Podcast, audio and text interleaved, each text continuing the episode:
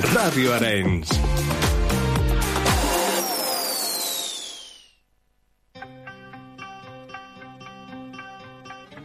Luchad y puede que muráis. Huid y viviréis un tiempo al menos. Y al morir en vuestro lecho, dentro de muchos años, no estaréis dispuestos a cambiar todos los días desde hoy hasta entonces por una oportunidad, solo una oportunidad. De volver aquí a matar a nuestros enemigos. Puede que nos quiten la vida, pero jamás nos quitarán la libertad.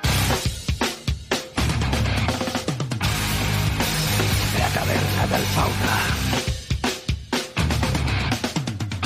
De 11 a 12 de la nit a Ràdio Arenys.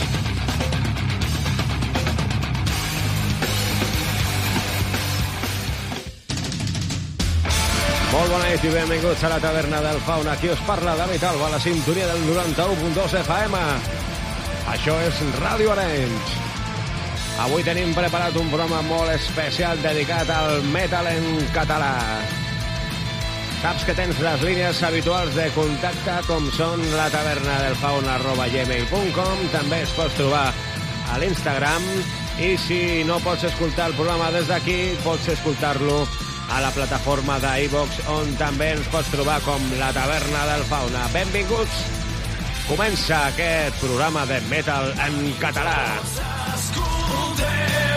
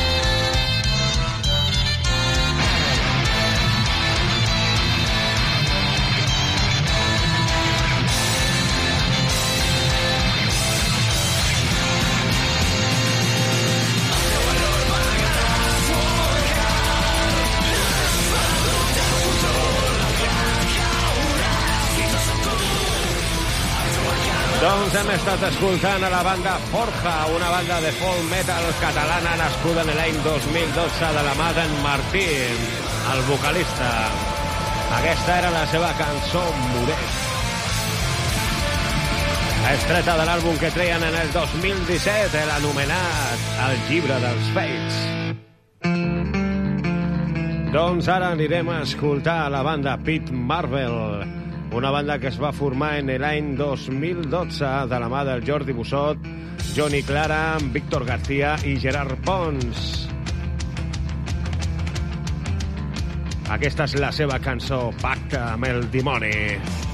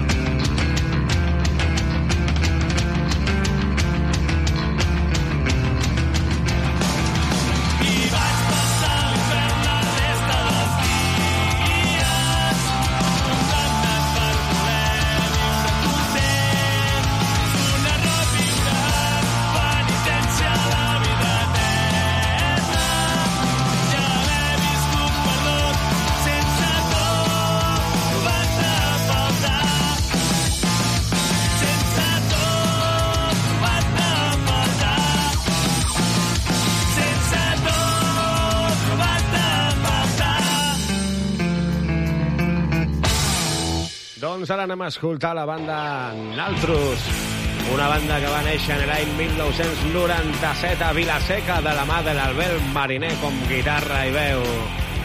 Ara escoltarem eh, l'àlbum Quan em mires i la seva cançó Compte de fades. Jo a vegades creus que estàs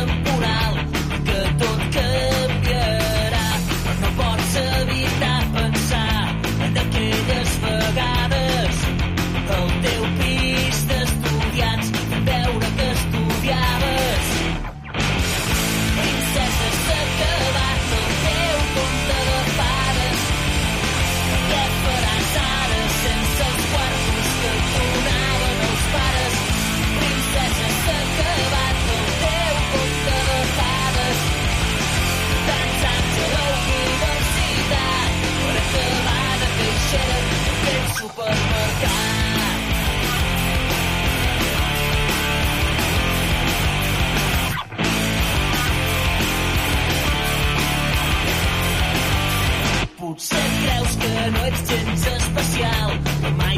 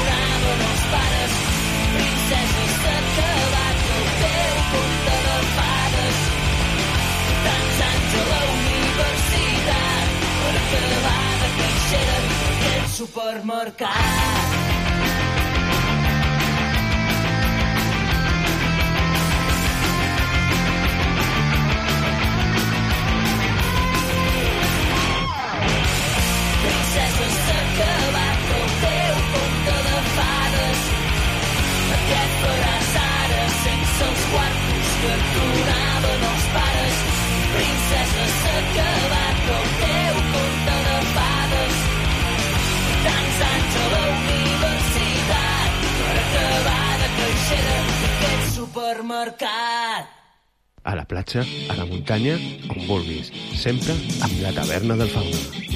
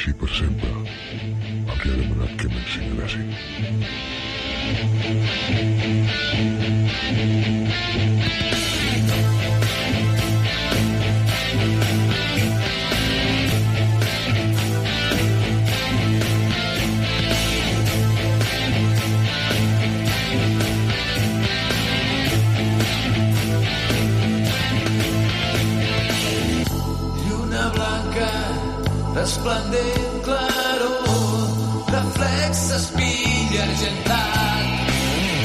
Fent-me imatge, bastant el temps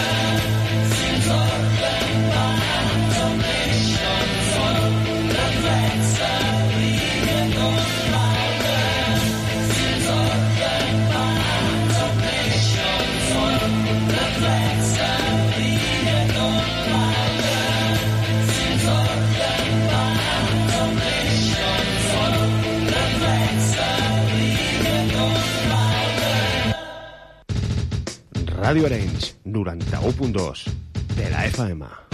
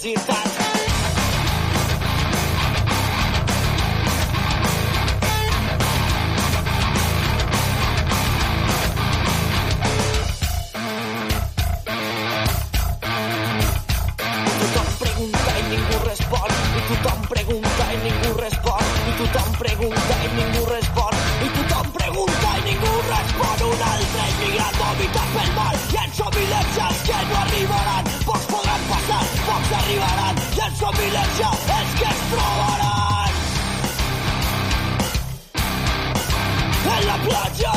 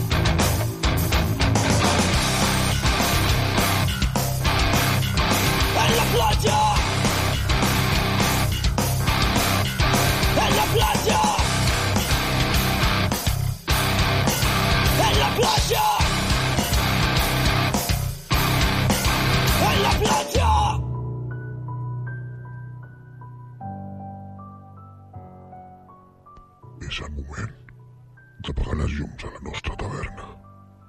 T'hem avisat a l'entrar que només els més valents i més agosegats seran capaços de mantenir-se a les seves cadires sense sortir corrents. Mentre s'escolten les històries taverneres, històries reals de successos misteriosos i terrorífics, contats des de la barra de la nostra taverna. Comença Històries de la taverna. Avui escoltarem el noi del sanatori.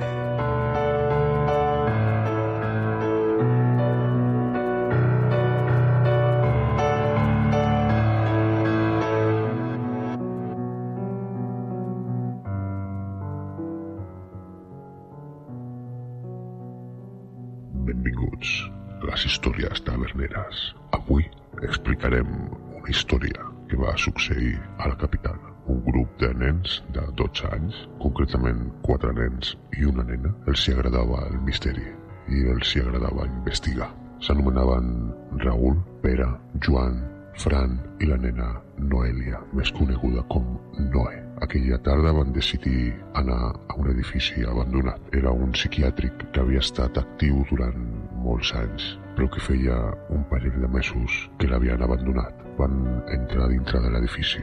Ràpidament van veure un rastre de sang al terra. Un d'ells, Fran, va sortir corrents i va marxar. Els altres tres i la nena, que era la més valenta, van continuar cap a dintre. Van arribar a una porta molt gran amb una inscripció al sobre que posava In nomini pater en filo amb Spiriti Santi. Van obrir la porta i es tractava de la capilla del psiquiàtric. Ràpidament van veure que hi havia una creu plena de sang amb moltes flors al voltant. Al entrar els quatre nois, la porta es va tancar de sobte. Van intentar obrir-la però no ho aconseguien. Mentre els tres nois buscaven com sortir, la Noe es va acostar a investigar a la creu i va trobar un paper punxat amb una navalla en el màstil de la creu que posava «No vaig ser jo, va ser ell» i un número, el 666. La Noe va avisar als seus companys explicar-los el que havia trobat, però en aquell moment el terra es va derrumbar sota els peus d'en Pere, que va caure per el forat i va desaparèixer entre les runes.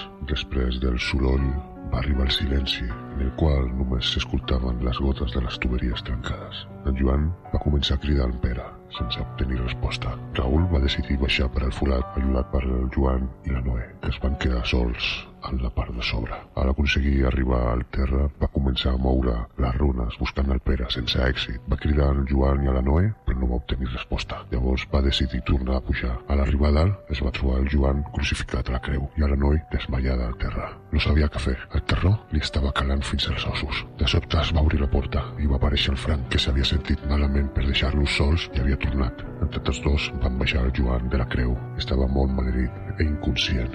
I la Noé igual, no la podien despertar tampoc. Van decidir fotre el camp. Cadascú va agafar per l'esquena a un dels altres dos i van sortir d'allà. En aquell moment va aparèixer per el forat en Pere. També estava molt malherit. Tenia un fort cop al cap i un braç trencat.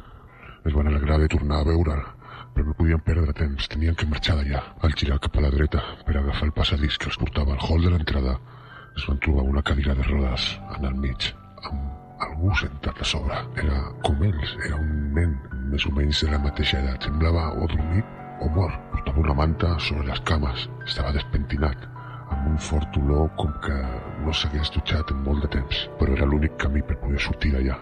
Sí que van decidir passar per al costat, el més ràpid possible. Primer ho va fer en Raül, que portava la Noé a l'esquena. Va passar corrent sense ni mirar la cadira. Després va passar el Fran, que portava el Joan de la mateixa forma i sense parar-se. I per últim tenia que passar en Pere, però no va tenir tanta sort, perquè al passar per al costat de la cadira, el noi li va agafar del braç que tenia trencat, provocant-li un dolor insuportable, per lo que va donar un grit aterrador. En Raül i en Frank es van detenir, van mirar cap enrere i van veure com el noi de la cadira tenia agafat en Pere i li estava donant una mossegada al braç. Raül va soltar la Noe i va anar corrents a ajudar en Pere, però el noi de la cadira ràpidament va treure una katana que portava la cadira i d'un sol cop li va tallar el cap al Raül i amb un ràpid moviment li va tallar el braç al Pere, que va caure desmaiat del dolor al terra. El cap d'en Raül va arribar fins als peus del Frank. Aterrat el Frank va soltar el Joan, que s'estava despertant, i va sortir corrents cap a la sortida. El nen de la cadira es va balançar sobre el Joan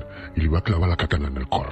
En aquell moment, la no es va despertar i al veure l'escena dantesca va fer un grit aterrador. El nen es va girar i la va mirar i li va dir No vaig ser jo, va ser ell.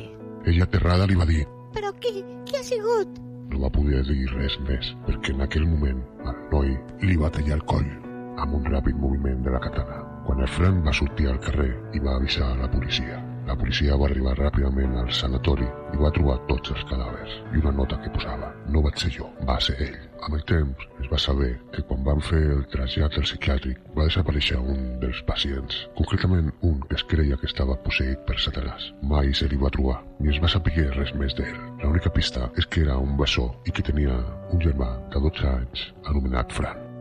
Fins aquí les històries taverneres. Si vols que recreem la teva història, envia-la al nostre correu latavernadelfauna.gmail.com Fins la propera setmana.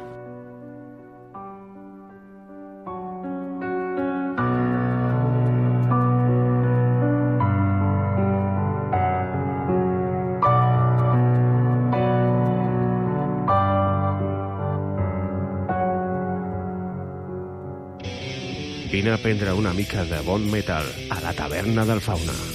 Els divendres a la nit a Ràdio Arenys.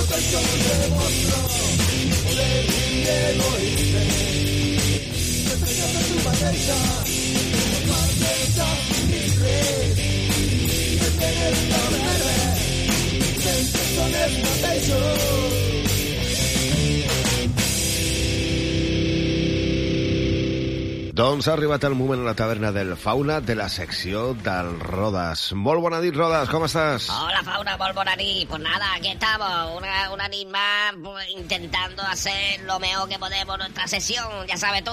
Ah, molt bé, molt bé, molt bé. I, I de què tractarà avui la teva secció? Bueno, pues yo me he dado cuenta que últimamente estáis poniendo muchas cosas de misterio, de suceso y cosas de esas así misteriosas. Y Ajá, entonces, pues sí, yo sí. me he enfocado a intentar traeros a vosotros la, la respuesta a todas esas preguntas que se hace la humanidad durante tantos millones de años. Ajá. Como por ejemplo, Sí. ¿quién son los superhéroes? ¿Cómo es posible que existan superhéroes y otra gente que somos normales? Molt bona pregunta, Yo sí, senyor. corto una patata y si se me escapa el cuchillo me corto el dedo. Yo también. Y esa gente corta la patata, se corta, se, se le escapa el cuchillo y rompen el cuchillo. Oh, sí. Entonces, mm, he investigado y Ajá. traigo a unos cuantos invitados. Bueno, a unos cuantos no traigo a un invitado Ajá. que nos va a hablar de unos cuantos personajes más que son familia de él, ¿sabes tú? Molt bé, molt bé, em sembla molt interessant. Ah, sí. Torres, et deixo el comandament de la nau i durant una estoneta eh, tu manes aquí. Molt bé, muchas gracias. Muchas gracias. Bueno, pues nosotros vamos a conversar y vamos a darle la bienvenida a nuestro invitado de hoy, que es un invitado muy especial. Como he explicado al principio de la sesión, esto hoy va a ser un estudio, un estudio genealógico de eso que dicen de, de los superhéroes, al menos nacionales. Yo no sé los que habrán fuera de nuestro territorio nacional, pero dentro de nuestro territorio tenemos unos grandes superhéroes. Superhéroes de alto tándem. Por ejemplo, al señor que vamos a tener hoy, en las películas de Hollywood y tal, se le llama Spiderman. Aquí, su nombre verdadero es el Chacho Araña. Vamos a ver. Hola, buenas noches, Chacho Araña, ¿cómo estamos? Hola, Rueda, ¿qué tal? Pues estoy muy bien, la verdad que estoy muy bien. Eh, te agradezco mucho tu invitación a este magnífico programa, a este impresionantísimo programa que cada, cada semana sigo yo, pero vamos fielmente no lo siguiente. Porque es que esto aquí, encima, es que el fauna lo hace también, lo hace también. Escucha, pone una música tan, tan, tan penetrante, tan, tan buena, y habla de unos sucesos tan bonitos y, y- y tan maravillosos, que que estaba deseando que me llamase. Yo no sé, que yo, yo creo que han funcionado los poderes psíquicos, que también tengo, que yo por mí dentro estaba diciendo, por favor, por favor, que me llame, que me llame el Rueda, que me llame el Rueda. Y aquí estás, aquí estás. ¿eh? Entonces, pues, nada, pues, aquí a tu, a tu entera disposición para explicarte todo lo que tú necesites saber, de todas las cosas que tú necesites saber. Bueno, pues un poco nos gustaría saber cómo te diste cuenta tú de los poderes que tienes. Bueno, pues un poco esto ya se veía venir, porque ya sabes tú, mi padre fue el rey de los superhéroes. Mi padre se inspiraron los de Hollywood para hacer Superman. Mi padre es el gran superchacho aquí en, en- España. Entonces, claro, mm, ya siendo hijo del superchacho y de mi madre, que también, mi madre también vinieron, cuando vinieron los de Hollywood ya se inspiraron en mi padre para hacer Superman y en mi madre para hacer la Mujer Maravilla, ¿sabes? Que mi madre es la grandísima heroína española, conocida aquí en nuestro territorio como la Mujer del Visillo, ya sabes tú. Entonces, claro, yo ya siendo el hijo del superchacho y de la Mujer del Visillo, pues claro, eh, era innato que algo, algo tenía que sacar yo. Y estaba una tarde con mi yayo ahí en el huerto, ya sabes tú, ahí cogiendo patatas y esas cosas, y entonces pues metí la mano ahí en la tierra y, me picó una araña, me picó una araña y entonces, pues claro, mm, me pasó los poderes infinitos que tienen las arañas y entonces, pues desde entonces, pues tengo poderes arañísicos o arañísticos, o no sé cómo, cómo podías llamarle, pero vamos, que mm, hago así, pum, y, y te lleno todo de telaraña, ¿sabes? Entonces, pues claro, para mi madre es un incordio, porque yo desde pequeño, que ya me pasó esos años de pequeño, pues claro, mi madre tenía aquí todo el día detrás limpiando, limpiando, limpiando todas las telarañas que iba dejando, ¿no? Parecía que mm, mm, hacía 20 años que no se abría el armario y en realidad era yo que había pasado y lo había dejado todo lleno de telarañas, ya sabes, ¿no? Pero bueno, pero esto a mí me ha servido para muchas cosas en la vida y la verdad, pues que estoy muy, muy orgulloso de los poderes arañísticos que tengo. Ah, pues nos gustaría, nos gustaría saber de qué se tratan esos poderes arañísticos que tiene. Bueno, pues mira, pues yo te explico. Por ejemplo, tengo la fuerza infinita. O sea, yo tengo una fuerza descomunal. Yo soy capaz de parar un tren con un dedo. Yo soy capaz, pues, no sé, tengo una fuerza brutal. O sea, como me, me cabré y te pegue dos tortas, te doy tres vueltas a la manzana, nada más que de la primera torta. Entonces, pues bueno, ese es uno, un gran poder que tengo. Ah, muy bueno, tengo muy el bueno. poder, como te he explicado, de las telarañas, que, Sí. pues, bueno, a ver, la verdad es que no me ha servido para mucho. Ah. Yo, Vaya. eso que se ve en las películas de que el tío lanza la telaraña y se va subiendo por, por los edificios y eso Sí, pues a mí no me hace falta. Entonces, pues yo la verdad, el tema de la telaraña hago flo flo, eh, más que para reírme de la gente. Pues hostia, por aquí hace mucho que no pasa nadie y acaba de pasar todo el mundo, ¿no? Entonces se piensan que han descubierto ahí, soy arqueólogo, soy Indiana Jones. Soy Indiana Jones que he descubierto una cosa muy misteriosa que hace muchos años y es mentira, decía yo que pasa, oye, pues toma tu telaraña ahí y la gente pues se lo cree. Y pues, pues lo que te digo, tengo un poco de poder Ajá. psíquico, porque ya te digo que yo, y eso Ajá. lo descubierto hace poco, ¿no? que yo estaba pensando que quiero ir a tu programa, quiero ir a tu programa, y eh, aquí estoy. Ah, muy bien. Y bueno, pues básicamente esos son todos los poderes que tengo, y, y bueno, mi padre tiene más, ¿eh? mi padre, como ¿Ah, es sí? súper chacho, mi padre tiene todos los poderes. Él Ah. eh, tiene todos los poderes juntos, y él lo utiliza cuando le viene bien, pues corre, vuela, hace de todo. Ah, vuela Sí, también, sí. vuela. Sí, sí, vuela, vuela. Vuela, lo que pasa es que vuela eh, en la intimidad, ¿sabes? Ajá. Esto es como aquel que hablaba mm, catalán en la intimidad, como el, el señor Aznar que hablaba catalán en pues, Ah, sí, sí. Padre habla, digo, vuela, pero vuela en la intimidad. ¿eh? Cuando está solo, él vuela y después viene y no lo dice, ¿sabes? Y, pero él tiene todos los poderes. Y mi madre, pues bueno, mi madre es que, a la mujer del visillo, es que se entera de todo. Mi Ajá. madre se entera de Oh, todo. qué buen poder. Cualquier mm, chismor, todo. No le pregunte nada porque lo sabe. No le intente esconder nada porque lo sabe. Oh, peligro Y eso. bueno, pues mi, mi yayo también tenía muchos poderes. Ah, sí, sí, ¿qué, qué poderes? Se le conocía como el chacho el tractor. Ah. Pues ya te puedes imaginar. Porque mi, mi yayo, pues, iba con el tractor a todos lados. Iba a comprar el pan y con el tractor. Y hacía el amor con mi yayo con el tractor. Ah. Todo, todo, todo. Él no se bajaba del tractor nunca. Ya te digo cuando estábamos recogiendo patatas allí que me picó a mí la, la araña, él Sí. iba con el tractor. Oh, Entonces, pues bueno, es un sinfín de poderes que tenemos en la familia que no sabemos Ya, bien de dónde nos viene. No sabemos quién fue el primero. Suponemos, suponemos que mm, pues vendría de un meteorito extraterrestre claro, o... lo más normal, lo más no sé. normal. Realmente mm, te podría estar aquí explicando milonga Ya. y tú te las creerías todas. Todas, todas. Cuando un superhéroe habla, los demás le creen que ese es otro gran superpoder que tenemos. Señor, sí, señor. El poder de la convicción. Ajá, ajá. ¿sabes? Algo que necesitarían nuestros políticos pero que no tienen. Eso es verdad, eso es verdad. Entonces, pues, mm, ahí estamos. Nosotros Bueno. tenemos todo ese poder infinito y los de Hollywood, cuando se enteraron, pues vinieron, nos estuvieron preguntando a nosotros y eso, y empezaron a hacer películas de todo tipo eso. con, con los poderes de mi familia. Bueno, bueno, bueno, pues me parece muy, muy interesante. Se nos está echando un poco el tiempo encima porque Oh, tenemos que ir despidiendo ya la sesión, que Vale. tengo aquí al fauna que ya me está mirando con cara de, de un poco cabreado.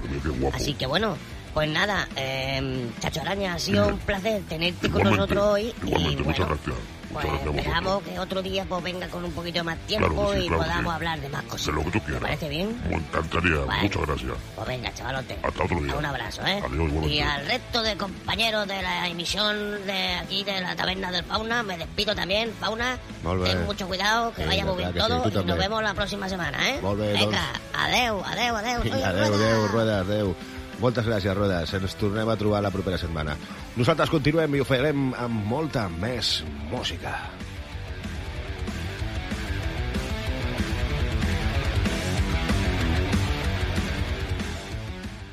No t'oblidis de buscar-nos a les xarxes socials. Som la Taverna del Fauna. Tanco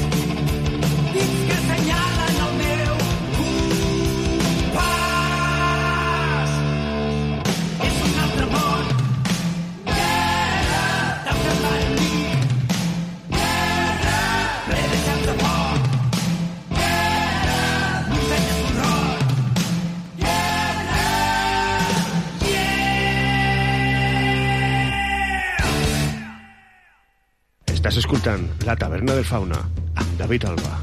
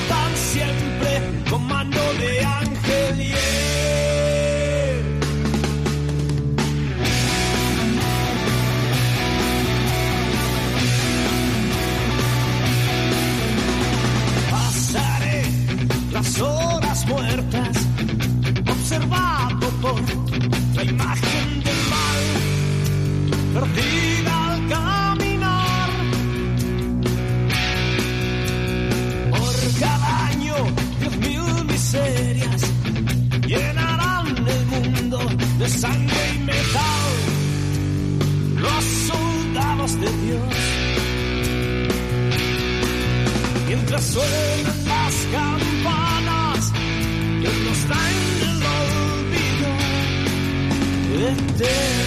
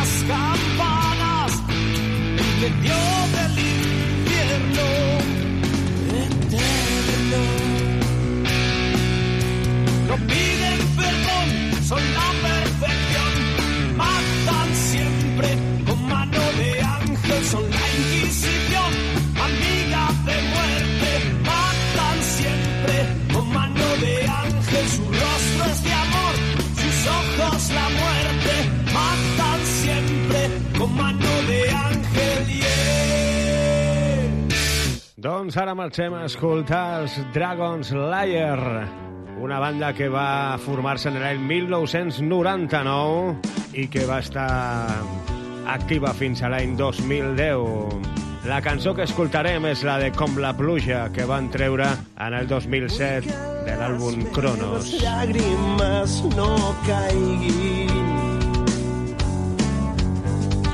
Vull trobar el color d'aquesta nit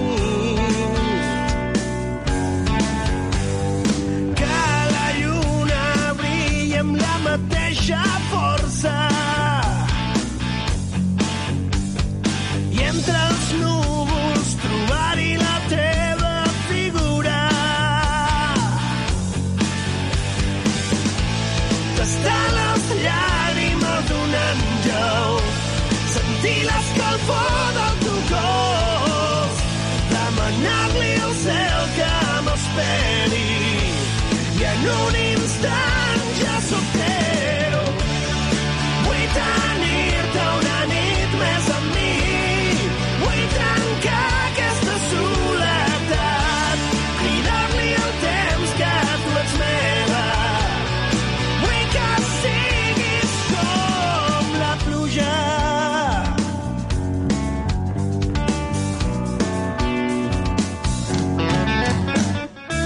Ets la llum del sol quan tu m'observes.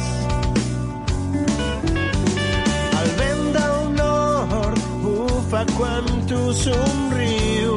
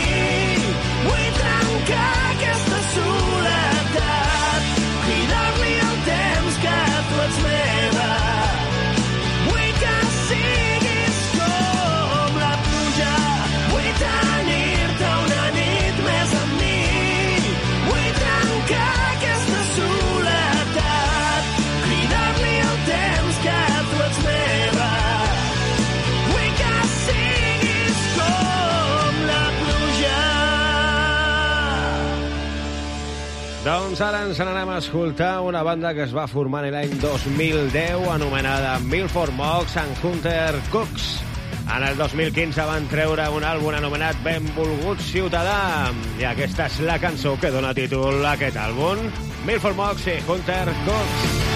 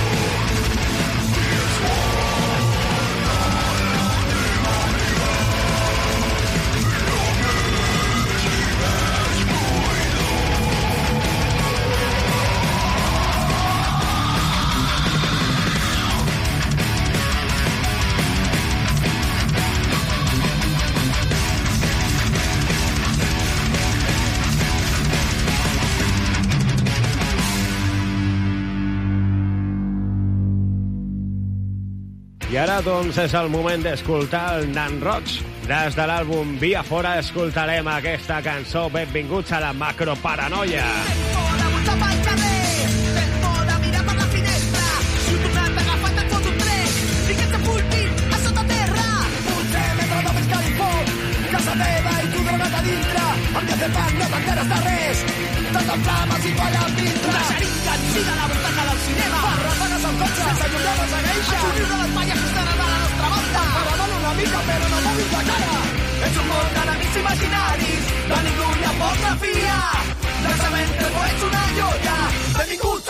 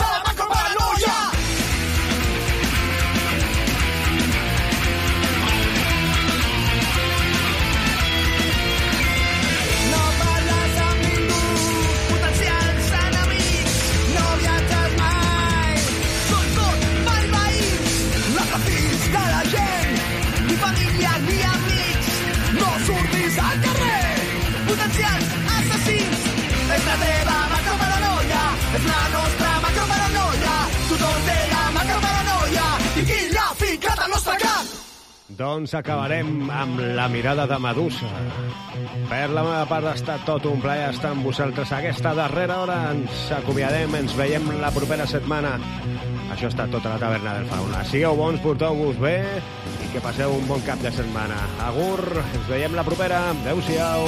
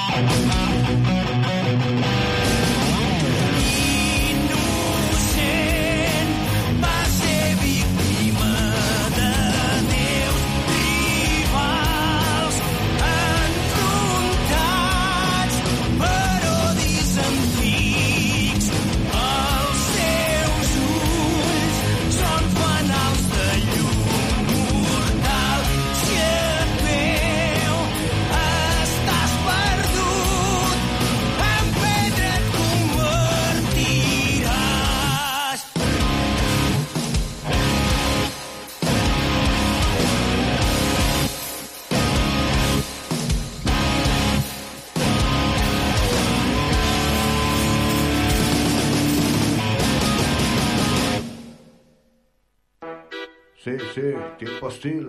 Ajá, ajá. Producciones Alba, bro. Sí.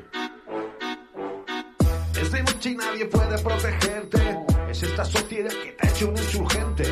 La cabeza llena de panfletos, quemando tus ideas, reivindicando tus derechos. Solo queda ponerte a escuchar algo de música de nacional. Deja de pensar de una forma sutil. Sigue los pasos de tiempo hostil.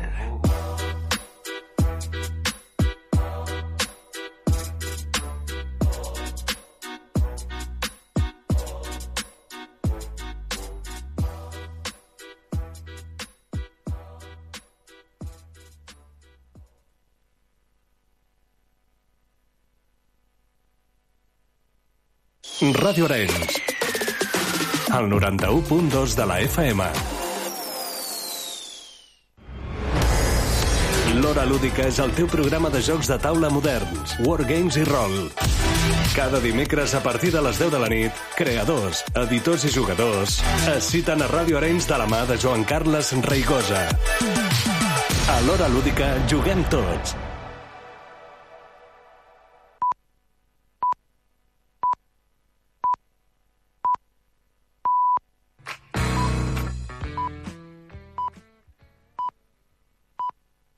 Okay. ICAT, la ràdio inquieta. I don't wanna love like that. Don't wanna go slow, yeah.